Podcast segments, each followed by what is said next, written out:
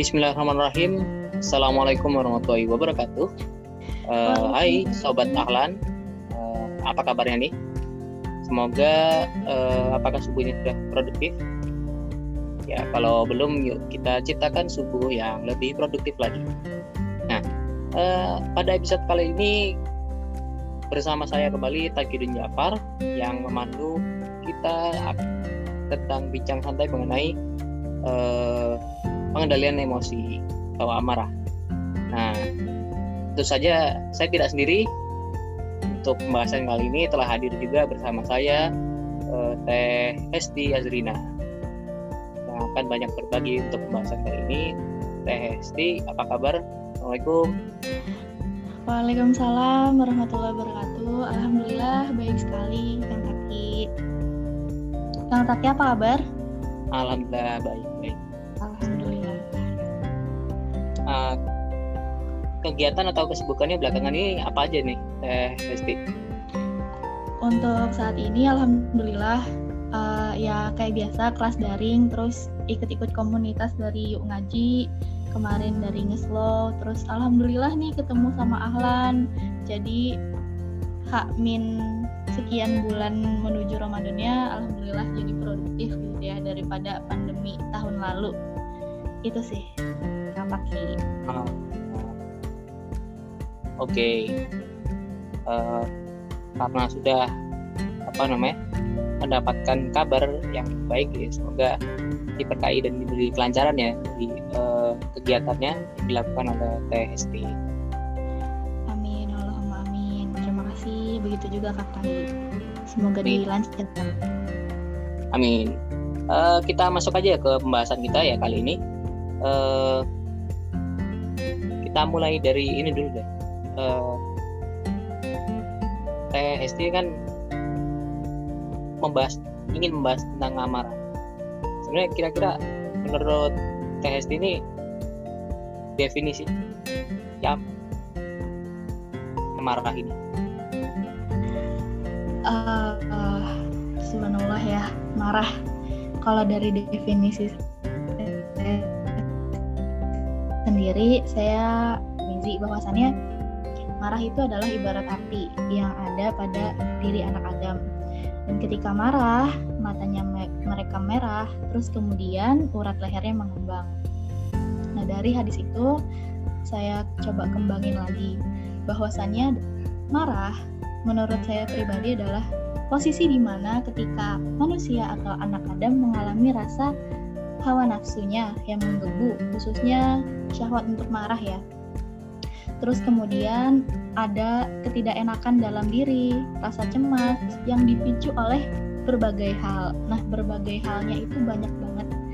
Bisa jadi kita marah karena senda gurau orang lain, bisa jadi karena kita marah karena diejek orang lain, bisa jadi marah karena ambisi kita tidak sesuai sama apa yang terjadi di realita.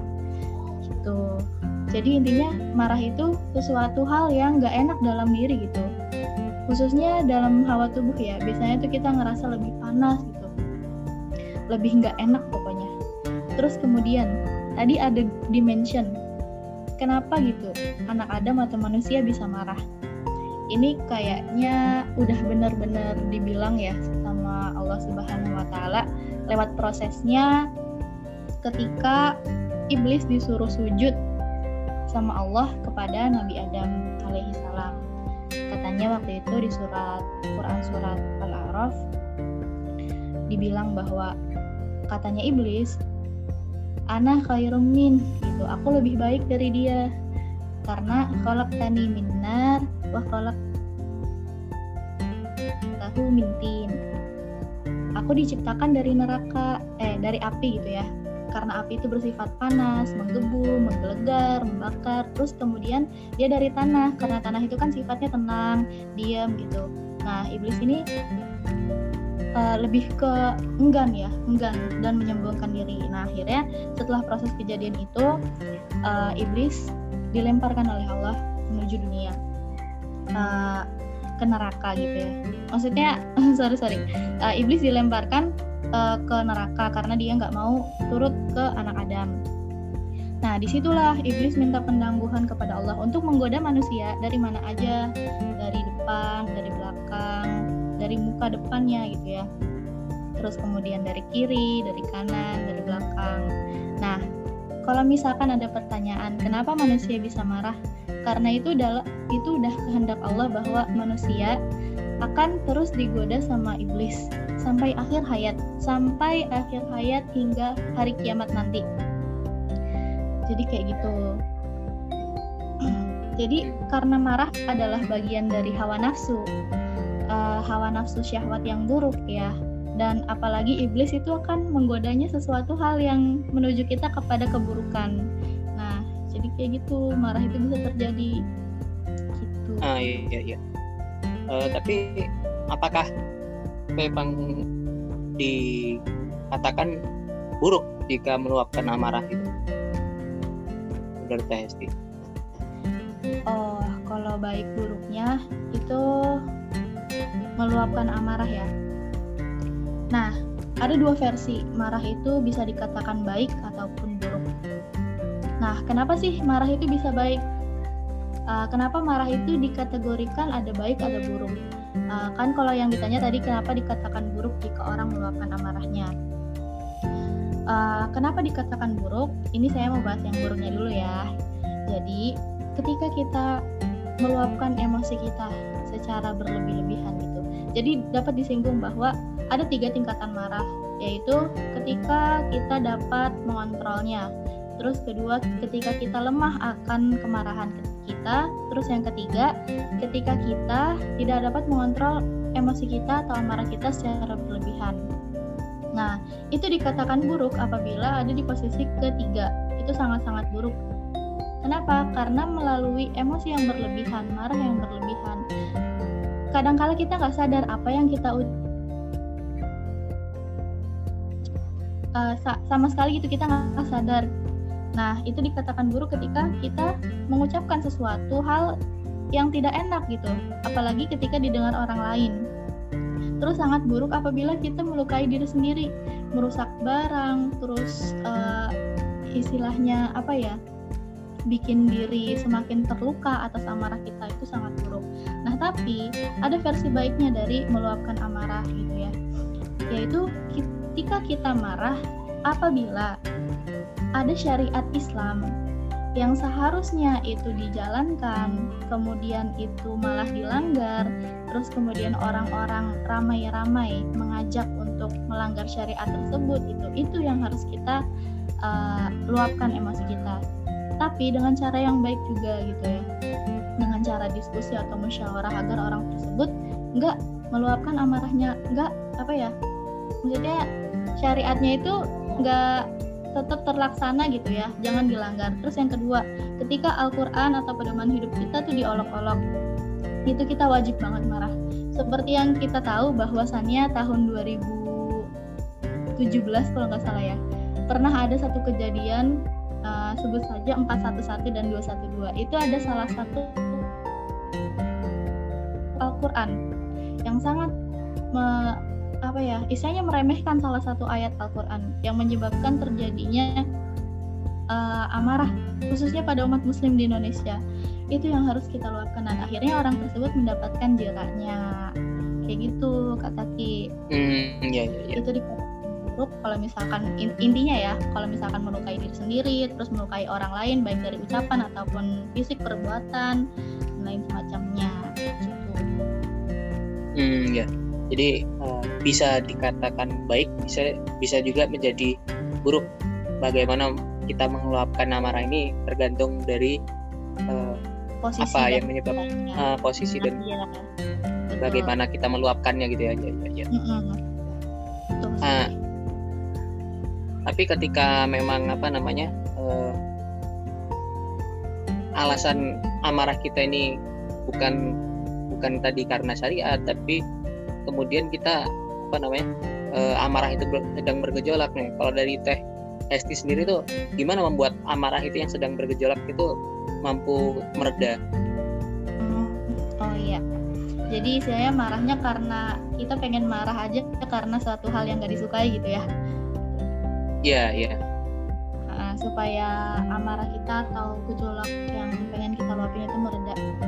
Kalau saya biasanya ya alhamdulillah ini entah Allah kenapa kasih kemudahan ketika saya menahan hawa ma marah saya saya lebih baik ngejauh dari orang-orang gitu.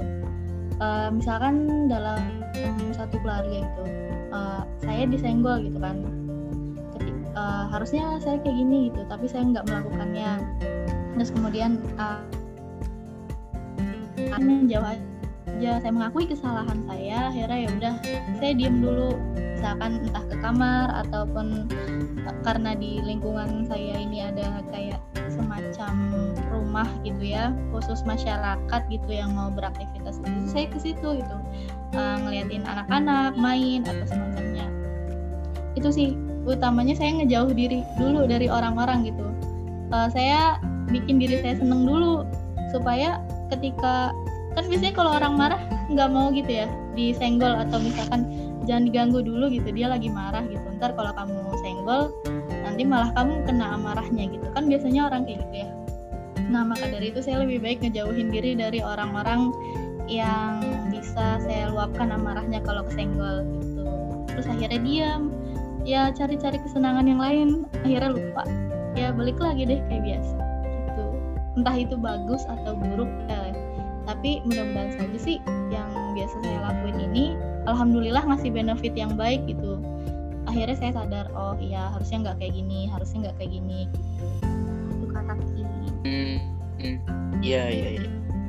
So, uh, ini juga ya apa namanya?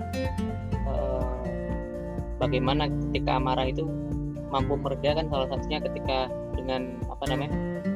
Jika masih berdiri duduk nah jika ya, duduk masih marah ini juga ya apa namanya? Uh, berbaring berbaring kok. Tapi kalau masih marah juga ambil segera ambil air wudhu gitu ya. Iya betul.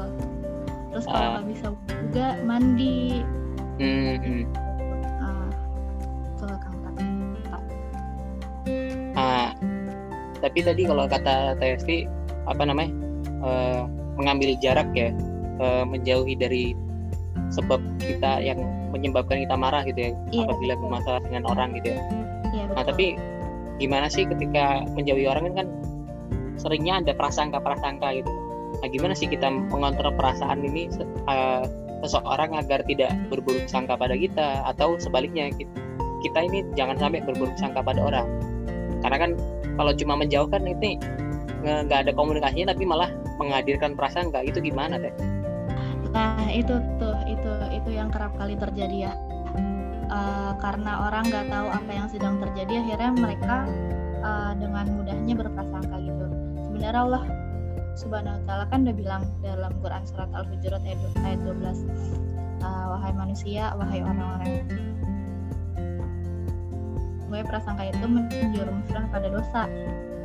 Nah, kalau misalkan untuk diri saya sendiri gitu ya supaya orang lain mencegah untuk berprasangka buruk kepada kita itu saya belum bisa. Karena kita nggak bisa mengontrol perasaan orang lain kita nggak bisa mengontrol apa yang dia mau untuk untuk dia pikirkan kepada kita itu sama sekali nggak bisa. Tapi uh, yang paling kita bisa lakukan adalah kita ngehandle diri kita. Nah kayak tadi gitu contoh kasusnya. Uh, alhamdulillah orang-orang di lingkungan saya khususnya teman-teman dekat terus keluarga udah tahu kalau misalkan dalam keadaan kayak gitu nanti juga balik lagi sendirinya tapi bagaimana dengan orang yang nggak tahu gitu? Balik lagi saya nggak nggak bisa memaksakan diri dia untuk berprasangka baik kepada saya. Uh, nah kalau misalkan uh, terbesit ada dalam diri saya gitu ya berprasangka buruk kepada orang lain atau seuzon ini beda case ya yang tadi. Uh, saya mau ngutip dari perkataan uh, Ibnu Qudamah ya bahwasannya beliau bilang begini jika terbesit dalam hatimu berprasangka buruk terhadap seorang muslim, hendaklah engkau memberikan perhatian yang lebih kepadanya dan mendoakan kebaikan untuknya. Terus karena hal itu akan menjadikan setan yang marah menjauh darimu sehingga dia tidak dapat melemparkan kepadamu prasangka buruk karena khawatir engkau akan sibuk mendoakan kebaikan untuknya dan lebih memperhatikannya. Jadi untuk mencegah diri saya berprasangka buruk kepada orang lain khususnya kalau misalkan dalam case marah ini saya lebih mikir pasti dia punya alasan untuk melakukan hal tersebut. Akhirnya saya ngedoain cari kebaikan-kebaikan dia gitu ya. Terus kalau misalkan agar orang lain nggak berprasangka buruk kepada kita balik lagi gimana sikap kita gitu? Sikap kita ke orang lain tersebut. Gitu kak kaki mungkin agak ngejelimet ya intinya intinya Iya, iya, gini iya. ya kita nggak bisa ngontrol apa yang orang lain mau terhadap diri kita tapi yang paling bisa kita lakukan adalah kita ngontrol diri kita sendiri untuk apa yang mau kita lakukan kepada orang lain. Ah, iya. Masuk masuk. Bener banget. Eh, jadi kita nggak bisa mengontrol perasaan orang lain gitu kan? Perasaan kita orang lain kayak gimana terhadap kita. Tapi kita bisa mengontrol diri kita sendiri gitu ya mengendalikan bagaimana eh, agar kita tidak apa namanya berlebihan memberikan prasangka buruk pada orang gitu ya ya betul Ter- terhindar dari apa namanya eh, sudon atau berburuk sangka itu ya Mhm. dengan memberi perhatian agar Ya. justru malah yang dibikin marah malah setan tadi ya Iya. Jadi eh, ngasih perhatian gitu kayak kenapa sih kamu bisa marah gitu. Ajak dia cerita gitu. Ajak dia eh, bermuhasabah kenapa gitu. Kalau misalkan kamu marah, kalau misalkan kamu marah dampaknya gini-gini loh gitu. Terus doain atau bilang juga nasihati. Jangan lagi ya kayak gitu. Kayak gitu. Itu khususnya sama teman-teman deket kita ya atau sahabat atau keluarga kita ya yang udah kita deket. Gak mungkin dong kalau misalkan kita yang gak begitu kenal kita bisa kayak gitu. Pasti kita kayak gitu ke orang-orang terdekat kita. hmm iya iya ah lanjut nih teh jadi eh, sebenarnya kan dalam Islam itu juga ada larangan apa melarang kita marah. La takdob Ya. jannah. la takdob walakal jannah. Di diulang-ulang ya kalau nggak salah di hadisnya itu. Itu yang menurut eh, teh Hesti gimana pandangannya? Nah, kenapa Islam tuh sangat melarang kita marah? Karena gini, kalau dalam hadisnya itu ya udah terbilang gitu, janganlah kamu marah dan bagimu surga. Kita nggak marah aja, balasannya surga. Terus kita mau ngedapetin apa lagi gitu?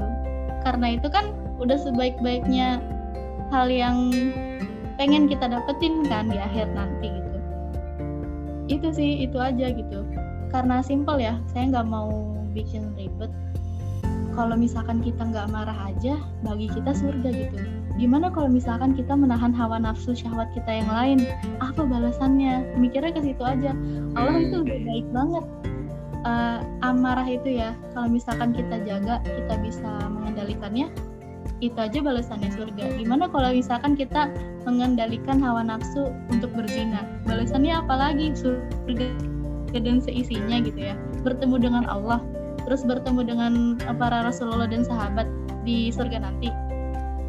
Pasti satu uh, uh, konsekuensi kalau misalkan nggak ada balasannya gitu iya itu iya sih masya Allah jadi jadi memang eh, kita mau ngarepin balasan apa lagi kan iya nah, betul surga kan balasan terbaik gitu ya buat iya betul kita.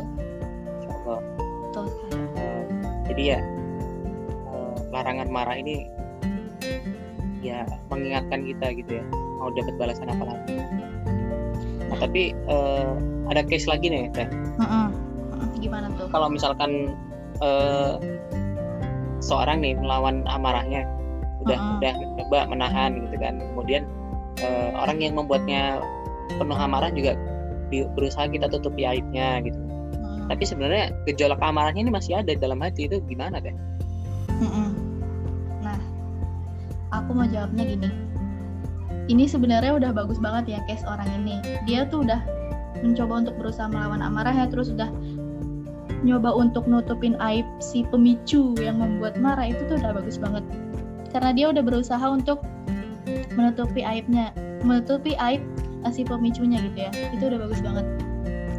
Tapi kalau misalkan dalam hati masih ada gejolak marah gitu ya, kan yang tadi udah kita sebut tuh kalau misalkan uh, kita masih berada dalam keadaan marah ya udah berdiri kan kalau misalkan nggak bisa berdiri terus kemudian kelar juga gitu ya amarahnya wudhu. Kalau misalkan belum bisa juga uh, mandi itu adalah sebaik-baiknya solusi.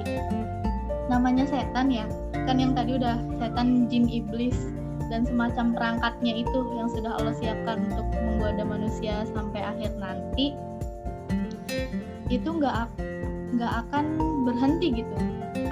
Kita udah mencoba untuk reda tapi dia datang lagi datang lagi datang lagi. Nah salah satu solusi terbaiknya udah diterima gitu ya. Jangan diterima dalam artian bu kita bukan dalam artian kita meluapkan amarah itu bukan tapi diterima disadari oh iya iya saya pak saya wajar untuk berbuat marah. Saya wajar menjadi manusia itu membuat uh, memiliki rasa marah itu wajar. Akhirnya tenang menenangkan diri dan ya udah alhamdulillah insya Allah amarahnya hilang. Terus saya mau ngutip lagi nih. Nah ini kan istilahnya terjadi karena dua orang ya. Uh, dia udah berusaha nutupin aibnya terus dia berusaha untuk nggak mau nyinggung-nyinggung lagi si pemicunya si pemicu orang yang buat marah itu. Itu udah bagus banget. Karena dalam hadis riwayat Bukhari dan Muslim sungguhnya orang yang paling baik di antara kalian adalah yang paling baik uh, akhlaknya. Berarti sih orang ini udah bagus banget. Udah mau nutupin aibnya udah mau menjaga dirinya udah mau istilahnya tidak memaksakan amarahnya gitu. Terus kalau misalkan kita terbesit untuk oh gejolak ini tuh masih ada nggak udah udah coba pasti Allah akan menunjukkan satu titik kebaikan si orang yang memicu kita untuk membuat marah. Misalkan ketika hal itu terjadi pada saya atau kepada siapa pun ya nggak jauh-jauh deh dari saya pasti ada satu titik oh iya ya uh, dia tuh pernah berbuat kayak gini loh sama saya. Oh iya ya dia pernah berbuat baik dalam keadaan saya susah kayak gini kayak gini. Jadi cari-cari kebaikannya cari-cari uh, alasan untuk kita supaya nggak marah lagi sama dia. Gitu kata Ki dari aku ya. Mungkin kata Ki mau nambahin gitu kalau misalkan case itu yeah, yeah. Uh, kalau saya sih sepertinya udah cukup terwakili ya dari yang THST sampaikan tadi. Uh, alhamdulillah. Banyak banyak banget tadi uh, insight yang kita dapat uh, pada kesempatan kali ini. Alhamdulillah masya Allah. Alhamdulillah jazakumullah khairan. Ki udah mau bersedia bantuin Hesti ya. Jadi Hesti nggak ngomong yeah. sendiri ya alhamdulillah. Iya. Ya semoga kita terus uh, terjaga ya dari apa namanya mampu menjaga diri dari pengendalian apa namanya nafsu amarah ini tadi kita bahas. Ya uh, semoga yang kita bahas kali ini bermanfaat buat teman-teman yang mendengarkan gitu ya. Amin. Mudah-mudahan. menjaga diri dari nafsu amarah karena jangan marah bagimu surga gitu ya. Jadi balasan apa lagi yang kita inginkan. Kalau misalkan uh, tawaran terbaik ya surga kita masih mau masih belum ingin mendapatkan ya apalagi yang kita butuhkan. Gitu. ya uh, mungkin itu dulu ya kita cukupkan. Uh, terima kasih banyak untuk TSD yang udah bersedia berbagi. Semoga uh, wawasan insight yang eh, tadi disampaikan mampu kita maknai menjadi ilmu yang bermanfaat. Amin. Amin Allahumma amin. Saya juga terima kasih kepada Kak Taki ya udah menyempatkan waktunya jadi momot di podcast kali ini. Mudah-mudahan bermanfaat untuk Kak Taki juga. Amin amin. Ya. Amin Allahumma amin. Uh, sebelum sebelum saya tutup mungkin ada sedikit pantun. Aduh. Asik. Lanjutkan. Terima kasih eh, nih Kak Takip tentunya iya. mantap. Oke. Okay. uh, eh, itu dulu terima kasih banyak uh, Teh Kalau para sobat tahlan yang mendengarkan merasa banyak manfaat yang dapat dari podcast ini silahkan tebarkan agar tidak berhenti di kamu. Uh, sampai bertemu di episode berikutnya. Wassalamualaikum warahmatullahi wabarakatuh. Waalaikumsalam warahmatullahi wabarakatuh.